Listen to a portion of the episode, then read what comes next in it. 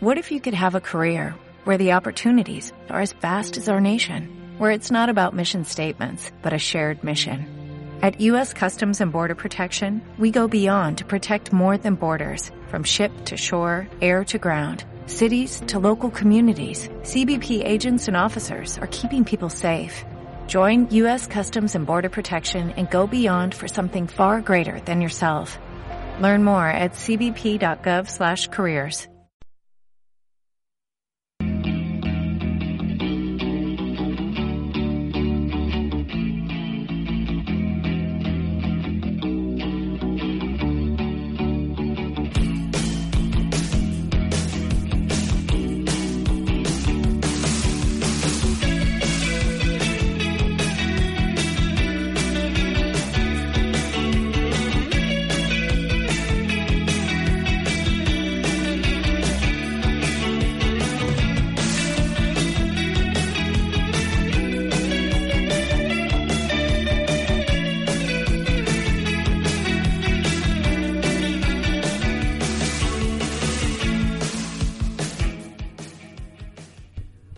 Bon dia, bona setmana. Comencem a Ràdio Masquefa, comencem a nova setmana a Ràdio Masquefa, quan són les 9 i 12 minuts. I bé, tenim diverses novetats a explicar, no només a nivell meteorològic, eh, netament meteorològic, sinó també al carrer, nosaltres mateixos. Aquesta setmana, després d'un any i mig que van començar aquí a Ràdio Masquefa, mitjans d'octubre del 2013, més o menys.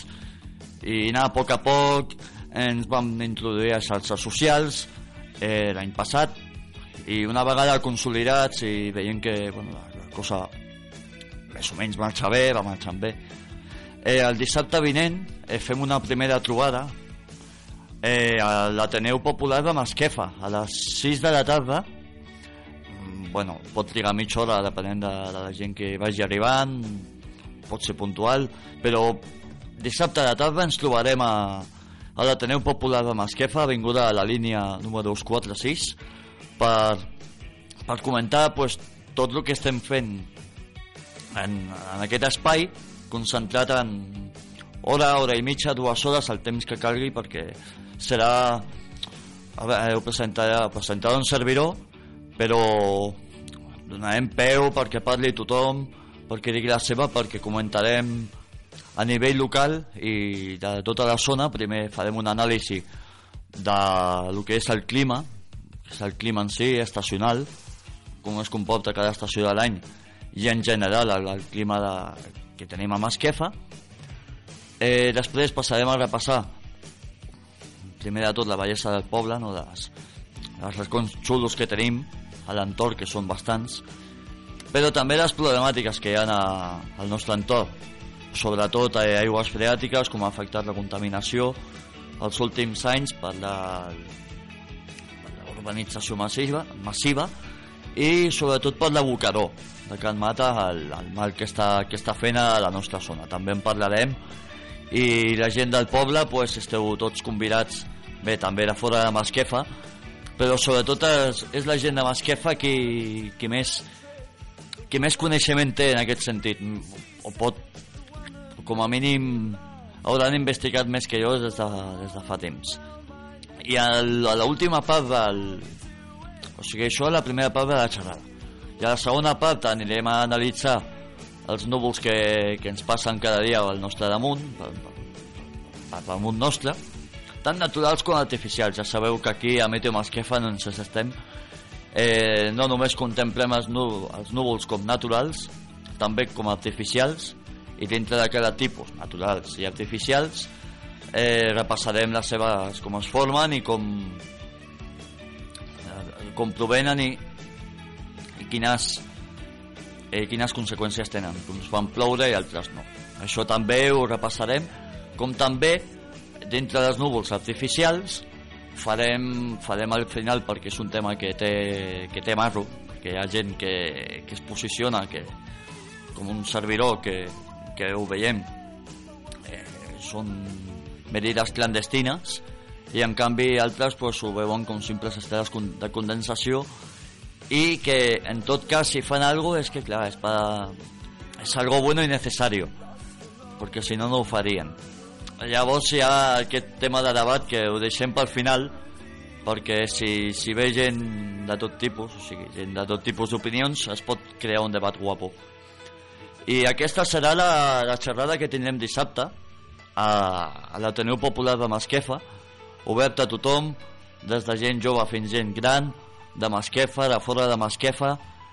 Tothom està convidat a venir, passar una bona estona.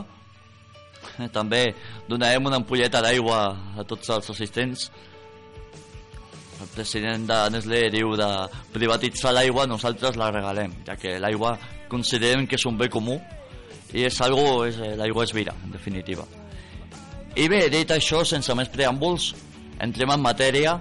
Eh, ja sabeu que ens podeu trobar diàriament a les xarxes socials, a Facebook, a, sobretot Facebook, Twitter no tant, però també ens deixem veure amb el mateix nom, Meteo Masquefa, Eh, dilluns sempre ens trobem a Ràdio Masquefa i normalment dijous, passa que aquesta setmana passada eh, vaig haver de treballar a un altre lloc i a un altre horari i clar, ja em va condicionar, ja no vaig poder ja no vaig poder desenvolupar el programa ni dijous ni divendres. M'hagués agradat fer mm, via ràdio previsió per Carnestoltes finalment no vam tenir un ensurt, no vam tenir insults, tot i que una mica d'intriga sí que va bé, ara ho explicarem.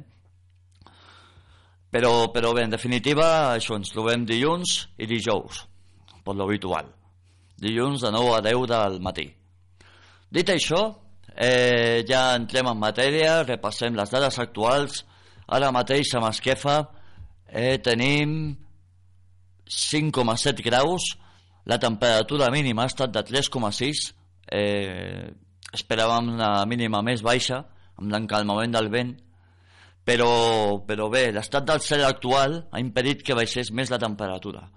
Eh, ahir a la tarda ja es deixava entreveure que, que tenia pinta de que fumigarien el cel, de que l'adornarien amb núvols alts i mitjans que a vegades són produïts de forma natural, venen de forma natural, com va ser el, cap, el cas de dissabte, però no passa ahir. Ahir vam deixar entre, es va deixar entreveure una capa de núvols alts al final, que es anava formant pel pas continu dels avions, que amb l'estrela curta també anaven fent feina. I tot això s'anava acumulant, cap a la banda sud es veia el cel cada, cada vegada més blanc a l'horitzó, en canvi a la, a la banda nord on no hi actuaven es veia un cel blau espectacular que és el que hauríem de tenir sempre doncs els van trobar encara a Prat Nord. Avui no, aquest matí ens hem llevat amb, primer amb una bonica albara tot s'ha de dir en cel vermellós però al poc de, de posar-se vermellós i ja tornar-se al color blanc s'han començat a deixar veure estrelles d'avions bastant pronunciades, unes quantes totes, la majoria, cap a l'àrea de Barcelona, cap a la zona de l'àrea metropolitana, costa de Barcelona, Tarragona, i alguna també passejant-se cap a l'interior. I han deixat un cel com es veu ara, lletós, ja no està el cel blau, com a molt es veu una mica de cel blau cap a l'oest, algun cumulet que vol créixer, però amb aquesta capa és impossible que creixin, per tant, si no hi havia possibilitats de pluja, doncs no, no trobarem pas. Aquests núvols, recordem, absorbeixen eh, el que és la humitat natural, no només d'un cúmul que es forma, sinó de la humitat natural que hi ha a l'ambient, alçada en si. I no deixen d'una precipitació. Per tant, no esperem precipitació avui. I continuem repassant perquè dissabte vam tenir Carnestoltes aquí a Masquefa i al cel es va, es va sumar a la festa també Vam tenir un cel espectacular, canviant, variable, fins i tot ens va espantar una mica perquè cap a les 5-6 de la tarda es va formar una tempesta cap a la banda de la Sagarra i va avançar nord-oest, sud-est per la, per la Noia, va, començar, va avançar per la comarca i aquí ens va agafar de resquitlló, ens va agafar la cua de la tempesta. Semblava que seria una altra cosa que ens cauria fins i tot com va passar a altres zones de la comarca, va caure Calamatza, però tot va, tot va quedar en què va passar el Comunonit Bosarcos, la, la, la cua del, de la tempesta, molt ben definida, semblava una supercèl·lula d'estiu, els trons se sentien i els llamps es veien lluny, cap a la banda de la, de la llacuna, on va ser, va ser on va descarregar més. Però aquí va caure quatre gotes tot just abans de la sortida de la rua i, un, i va deixar, els núvols van marxar, la tempesta va marxar mar endins i van deixar una bonica posta de sol. Sí que amb núvols naturals, o sigui, núvols alts naturals, provinguts de, de la mateixa tempesta, les mateixes tempestes que es van formar quan van arribar, quan van arribar els cúmuls al tope, al, al punt de, de, de gel, al punt de congelació de l'alçada, de, llavors sí que van produir aquests núvols alts naturals, molt diferents als que tenim avui, que són produïts per aquesta capa de fumigats que han passat amb els avions i no és una altra cosa que, que polvo químico que llancen a l'aire. No és, només, no és més que això, no són núvols naturals. És la diferència entre els núvols de dissabte, mmm, també amb un cel blau de fons molt maco, i els núvols d'avui. La tendència per avui és, és la mateixa. Eh, passarà aquest fals front càlid, que no és ni més ni menys que és totes les desfetes de, que ja venen de quilòmetres de, de núvols artificials més el que ja estan produint aquí a sobre nostre continuarà així tot el dia. Demà demà això eh, ens acabarà de, de creuar. Per tant esperem un cel més serè i també temperatures una mica més fredes una, una nova massa d'aire fred alçada d'uns 30-32 sota zero ens tornarà a afectar.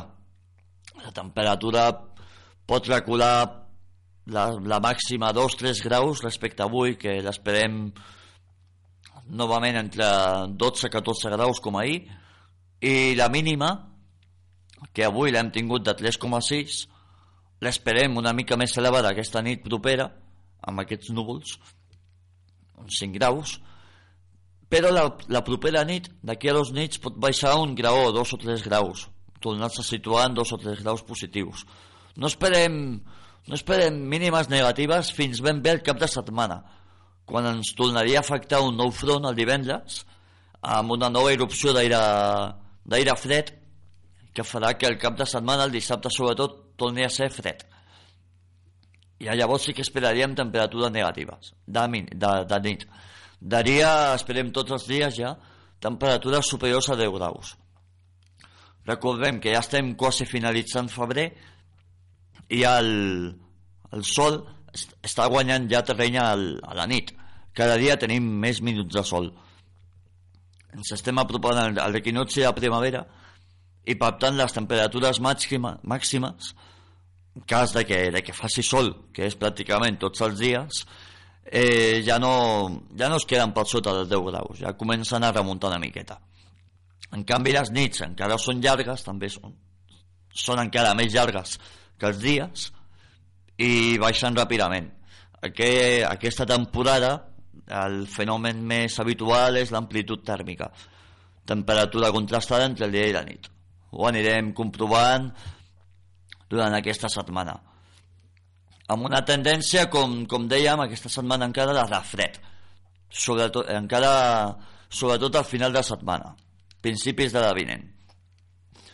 Dit això, ara escoltarem una cançó relacionada amb el fred, una cançó bastant comercial de, de fa uns 15-18 anys aproximadament, Madonna va treure un hit que es diu Frozen i amb aquesta farem una pausa i avui parlarem de geoenginyeria ja que tenim el cel manipulat parlarem de manipulació. Fins ara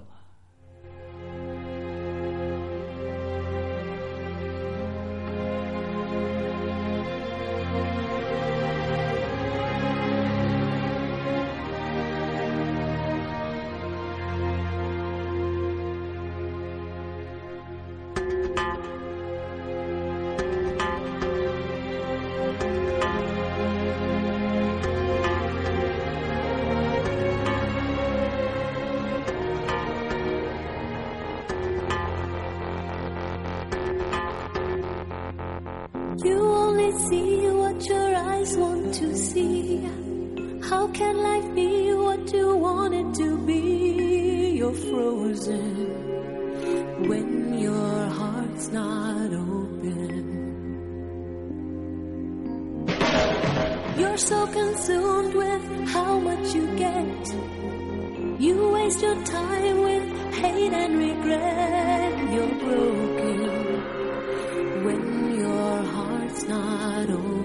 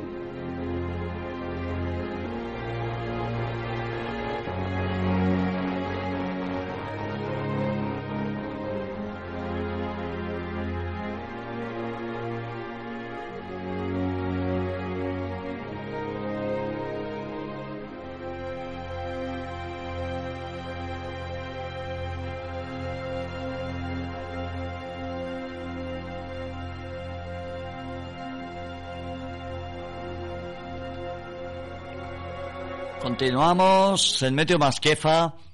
Eh, hacemos un repaso a la, geoingeniería, ya saben. El, el tema que no se ocupan muchos medios, por no decir casi ninguno. Ahora sí que empiezan a haber algunas informaciones sobre esta mm, llamado eh, remedio contra el cambio climático, ¿no? que no es otra cosa que manipulación climática que usan desde diversos lugares del mundo y que, y que afecta de, forma, de forma bastante desigual, ya que, por ejemplo, en el sudeste península, aquí en la península y en otros lugares del mundo, aquí en la península lo que está provocando esto, esto estas manipulaciones que en el sureste, por ejemplo, haya una sequía terrible desde hace tres años y en cambio la cabecera del Ebro, hoy acabo de ver ahora en las noticias de la primera, cómo el Ebro está a punto de salirse de madre, está a punto de, de desbordarse porque es tanta el agua acumulada, no solo de la lluvia, sino de la nieve que ha caído, que se está descongelando, más la nueva que ya está cayendo, está provocando esta, esta desigualdad. Estos, esto que ya llevan hace años practicando. No es otra cosa que la geoingeniería y que tiene efectos no solo a nivel, a nivel climatológico, como decíamos antes que esta- estas falsas nubes absorben las nubes naturales e impiden que llueva. Eh, por ejemplo, una curiosidad que tuvimos este fin de semana. El, el sábado nos cruzó un frente atlántico mm, activo. Estaba catalogado como un frente activo por, por, por GFS y por todos lo- los medios. Como que traería lluvias más o menos de forma abundante en prácticamente toda la península. Pero, ¿qué pasó? Que este frente ya venía un poco manipulado desde el Atlántico, a la altura de las, Azores manipulan bastante. Y, ya, ya empezó en la península a entrar con actividad, como siempre hace, por la parte de Galicia, Cantábrico, cabecera del río Ebro, pero una vez iba entrando en la península se iba desgastando, además de que ya se desgasta de forma natural, porque va atravesando las montañas y todas las sierras de la península ibérica hasta que llega al Mediterráneo, pero estos frentes en invierno siempre dejan lluvia, en toda, Cataluña me refiero. Aquí en Masquefa, por ejemplo, un frente así mm, tenía que haber traído 5 o 10 litros por metro cuadrado, es la media habitual en estos frentes.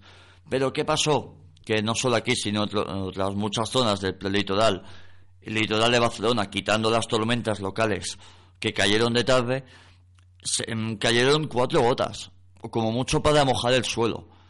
Claro, es otra cosa que esto que vienen provocando desde hace tiempo eh, las fumigaciones tóxicas, geo- geoingeniería, manipulación climática que además, como decíamos, es un efecto doble banda, ya que también nos repercute a nosotros. Eh, digo esto porque buscando informaciones oficiales, siempre hay que buscarlas, aunque no haya muchas, pero las hay.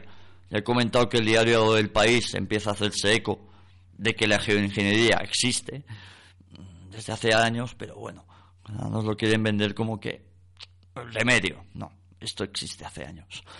Bien, hemos recogido una noticia de, del diario Le Dauphiné, en Francia, en París, eh, que se hace eco de los polímeros, ya saben, estas partículas de plástico que caen de, de estas fumigaciones y que van a caer a, a todos los sitios, pero se notan sobre todo en el césped y en la lo que son los cultivos, en los conreos. Bien, eh, noticia. Chemtrails. Análisis en laboratorios. Francia. Cae tanto polímero que sale en el periódico, efectivamente. En el diario Le Dauphiné. Eh, la noticia data del 17 de noviembre del 2013. Ya saben, esto no, no es nuevo, esto lleva ya tiempo. O sea, hoy lo tenemos aquí mm, de forma más o menos se ve, pero esto lleva ya mucho tiempo haciéndose aquí y allá. 17 de noviembre del 2013. Filamentos recogidos sobre el terreno en cuatro esquinas de Francia, en cuatro puntos de Francia, desde finales de 2012 por parte de particulares, han sido confiados a Analítica, Centro de Investigaciones Independientes y Expésites, Química Orgánica, ubicada en, Francia. Fue tal la evidencia que un periódico local francés lo recogió en una de sus publicaciones, el diario Le Dauphiné. El informe de análisis publicado recientemente por Analítica proporciona evidencia científica del origen antropogénico de estos filamentos. Entre los muchos compuestos orgánicos se detectan varios conocidos por entrar en la composición de los combustibles y lubricantes para motores de moléculas de aviones. Entre ellos varios talatos disruptores endocrinos. bonito nombre.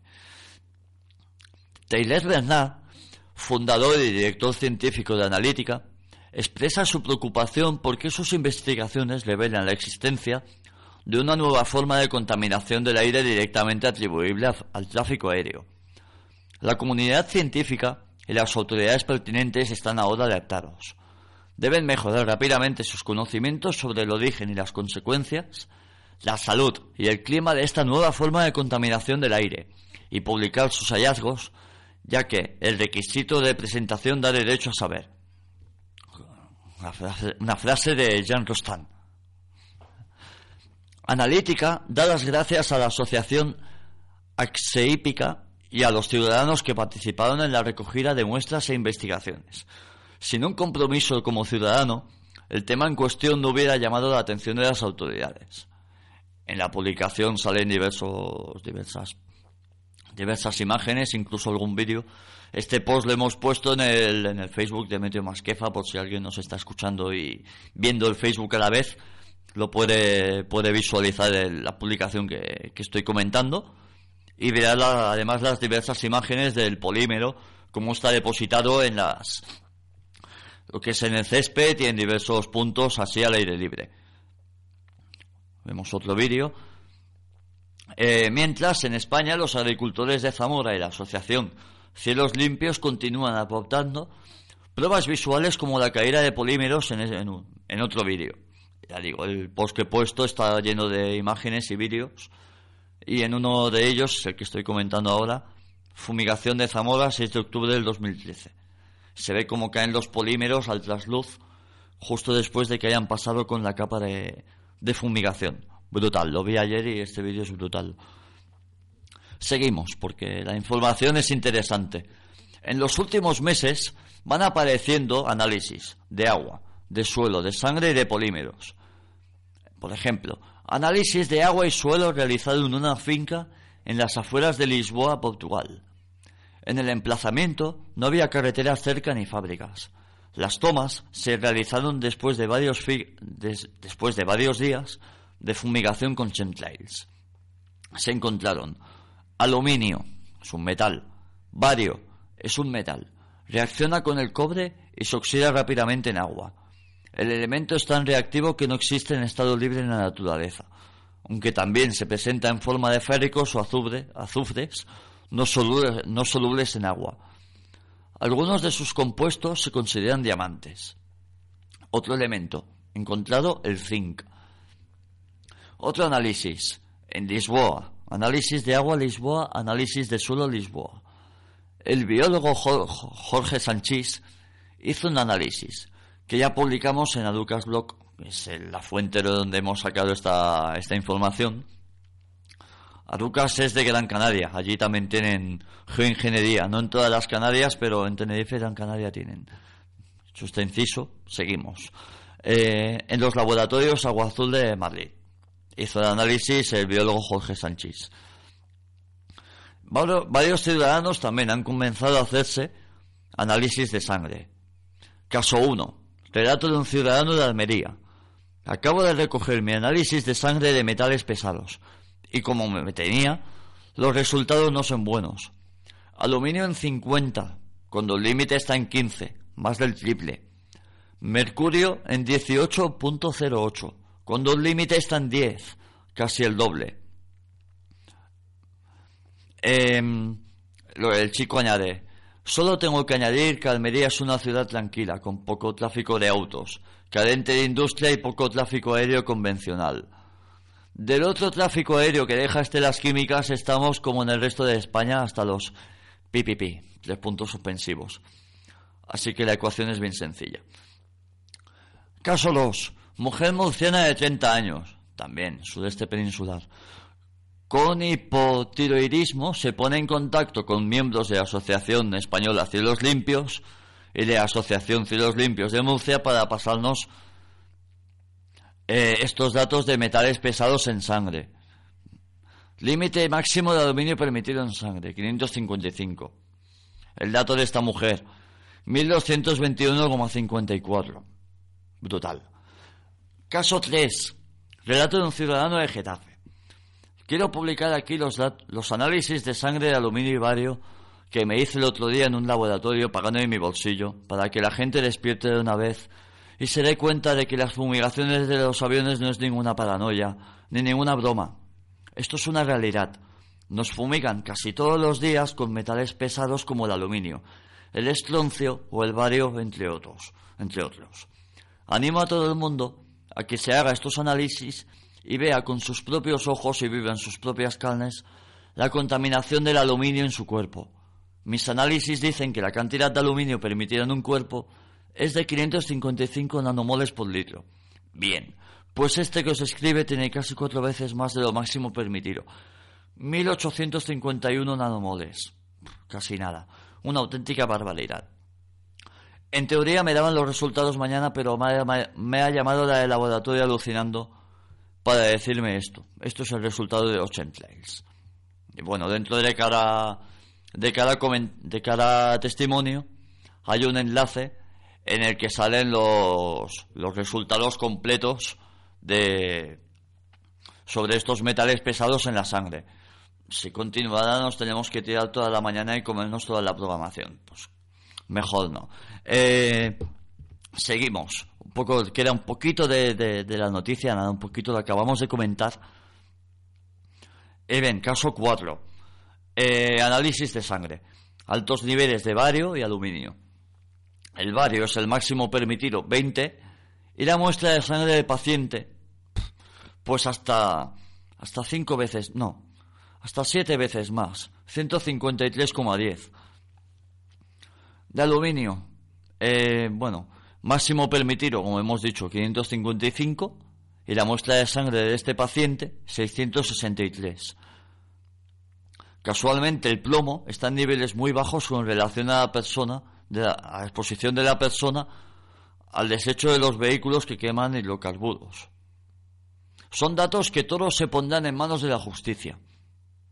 Todos estos casos están denunciados, todos, más luego los que, bueno, la verdad es que mm, esta noticia es bastante fuerte, esta comparación que hemos hecho de los niveles de, de metales pesados que deberíamos tener y que realmente estamos teniendo y que, que de hecho dan que pensar el sábado en la, en la charrada comentaremos este, este tema, lo comentaremos casi al final, ya que estaría muy interesante que entre, que entre todos, ya lo he comentado en alguna ocasión, eh, podemos eh, hacer denuncias a diversos niveles. Por ejemplo, ya directamente a la, policía. Hacer fotografías y llevar estos análisis, o bien a la Asociación Catalana contra las Fumigaciones Tóxicas, que también están llevando a cabo estas iniciativas. Y a nivel, a nivel local, eh, estaría bien presentar al ayuntamiento que se pronuncie eh, sobre estas prácticas, que son prácticamente desconocidas, por desgracia, pero que ya están saliendo a la luz. Con, y la mejor forma de, de hacerlo es con hechos algún demostrables. Por ejemplo, un servidor se va a hacer un análisis de sangre de metales pesados. Eh, hacemos la comprobación, hecho esto, y con la comprobación se hace una instancia, se va al ayuntamiento, pero eso es más fácil a nivel, a nivel colectivo. Por ejemplo, las asociaciones lo tienen más fácil. Asociaciones y también, como han hecho a nivel nacional, viticultores, apicultores, también está afectando muchísimo las abejas. Esto no lo dicen, pero esto lo que la producción de, bueno, lo que es la, cantidad de abejas que hay, todas las que están muriendo, y toda la producción de, de miel está descendiendo gracias también en parte a esto. También la asociación de apicultores están, como la de viticultores y agricultores, están todos poniendo denuncias conjuntas en contra de estas prácticas. Eh, también es o sea, como he comentado, a nivel personal y a nivel de entidades también es muy importante que entre todos nos juntemos y, y para ver qué pasa con estas con, con esta manipulación que, que como he dicho en alguna ocasión que sí que tiene que haber geoingeniería tiene que haber tiene que haber alguna forma de que dominen el clima. Pero una cosa es dominar el clima y otra cosa es lo que nos están haciendo hoy. Por ejemplo esta mañana eh, y continuamente eh, tirando vilmente sobre nuestras cabezas mm, todos estos metales pesados que para nada tendrían que estar y, no tienen nada que ver con hecho de contaminación ambiental porque ya hemos visto de que más de un ejemplo Murcia y Almería son, son poco explotados a nivel a nivel industrial por tanto no es excusa no es la excusa de que estén en una área urbana de que estén expuestos de que estén cerca de un aeropuerto o no son gente normal corriente como como, como, aquí en Masquefa que estamos lejos de cualquier aeropuerto, lo tenemos a 70 kilómetros, pero su influencia no es directa.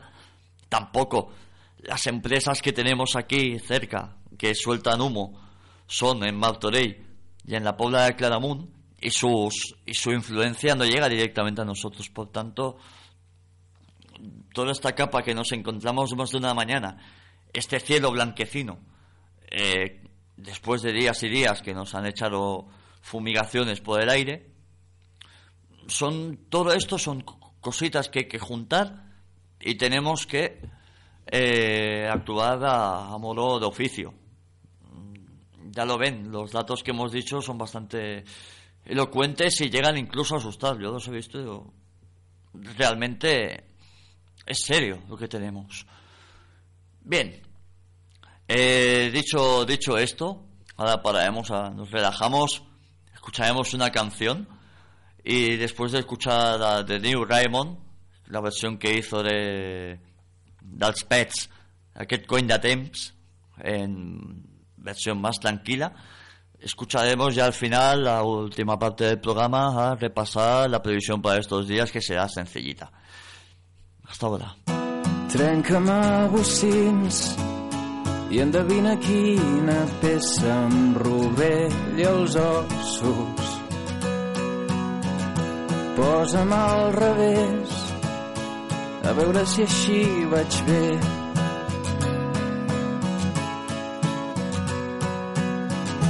Seu al meu costat, torna'm a tranquil·litzar amb els teus llavis dolços.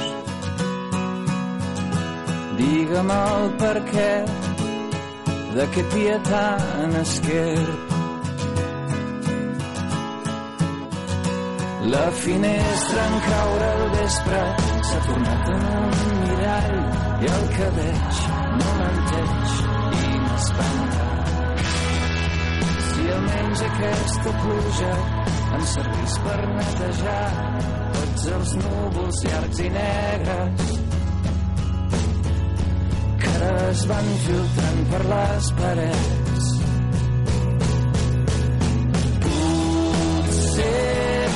Passo massa temps a casa, pot ser, però el carrer és tan que aquest cony de temps se'n fica al cos.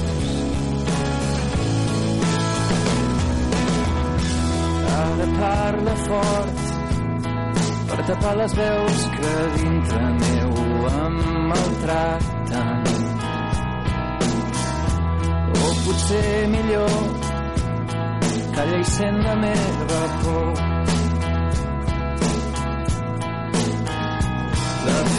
finestra en caure al vespre.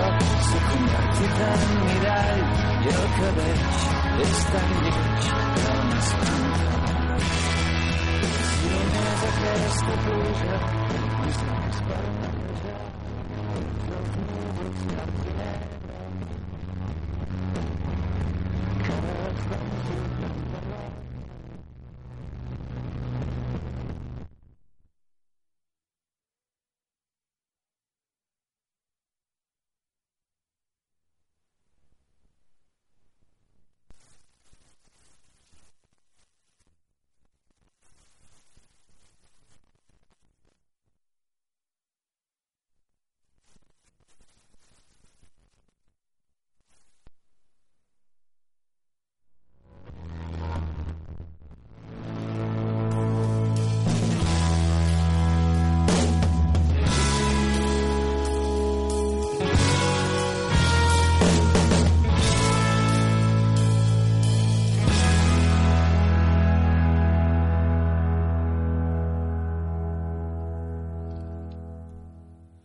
Continuem a Meteo Masquefa, després d'escoltar aquest cony de temps, aquest cony de cel, pràcticament podríem dir. I res, no tenim més que repassar les dades actuals. La temperatura ha pujat ja a 8,1 graus, va remuntant, tot i que no fa massa sol, degut a aquest, aquest pols que tenim en suspensió.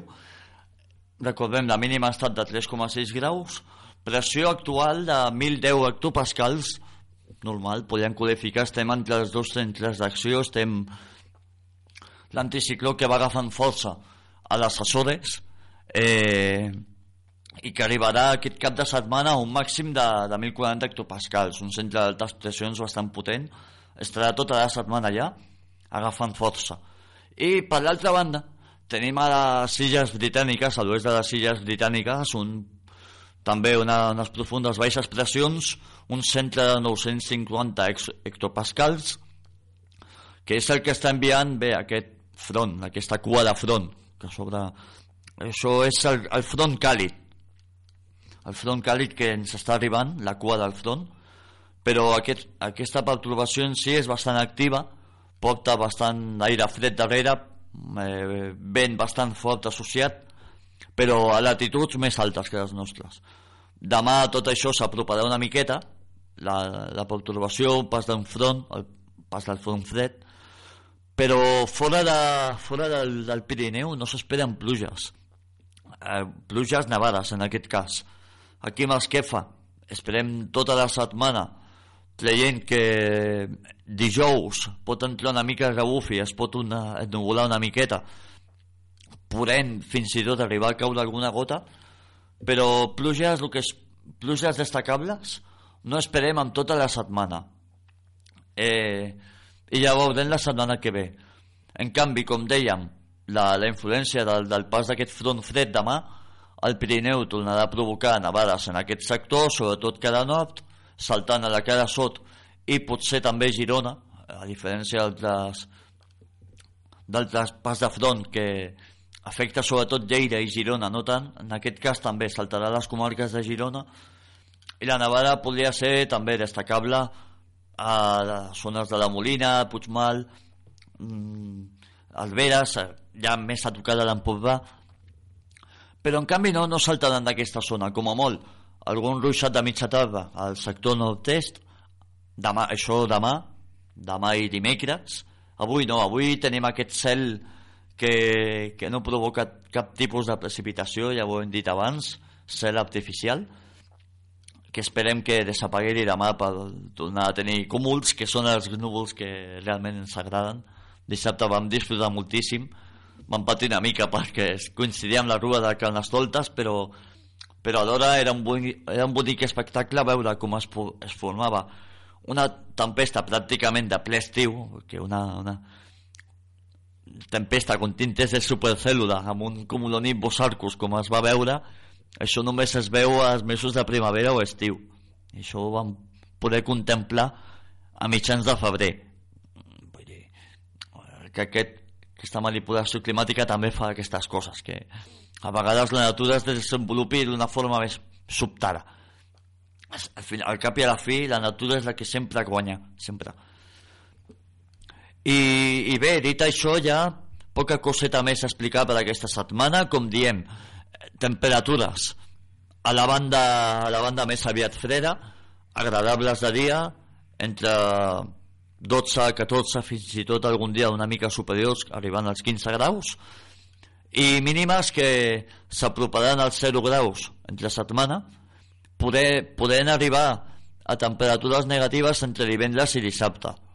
De tota forma no serien gebrades molt importants en aquest sector. Més que per l'interior sí, però en aquesta zona no hem de patir pel, pels conreus per el que fa a tema de, de temperatures ja que ja hem dit el, el fred ja està acabant de passar la, la part més freda de l'any i bé fem una petita pinzellada perquè hem vist els mapes per, per març. Eh, hem vist els mapes per març i pinten més plujosos. Ja veurem com, com evoluciona, com acaba evolucionant tot, però el, els primers models de la GFS, més o menys, mitjanament fiables, per la primera setmana de març, sobretot a partir dels dies 5-6 de març, indiquen eh, que la- l'anticicló s'ubicaria, en lloc d'estar on està ara, a les Açores, passaria a estar a les Illes Britàniques i, per tant, la, les perturbacions, les baixes pressions, les masses d'aire fred es, es veuran obligades a viatjar més cap al sud i afectaran més de, més de ple la nostra zona.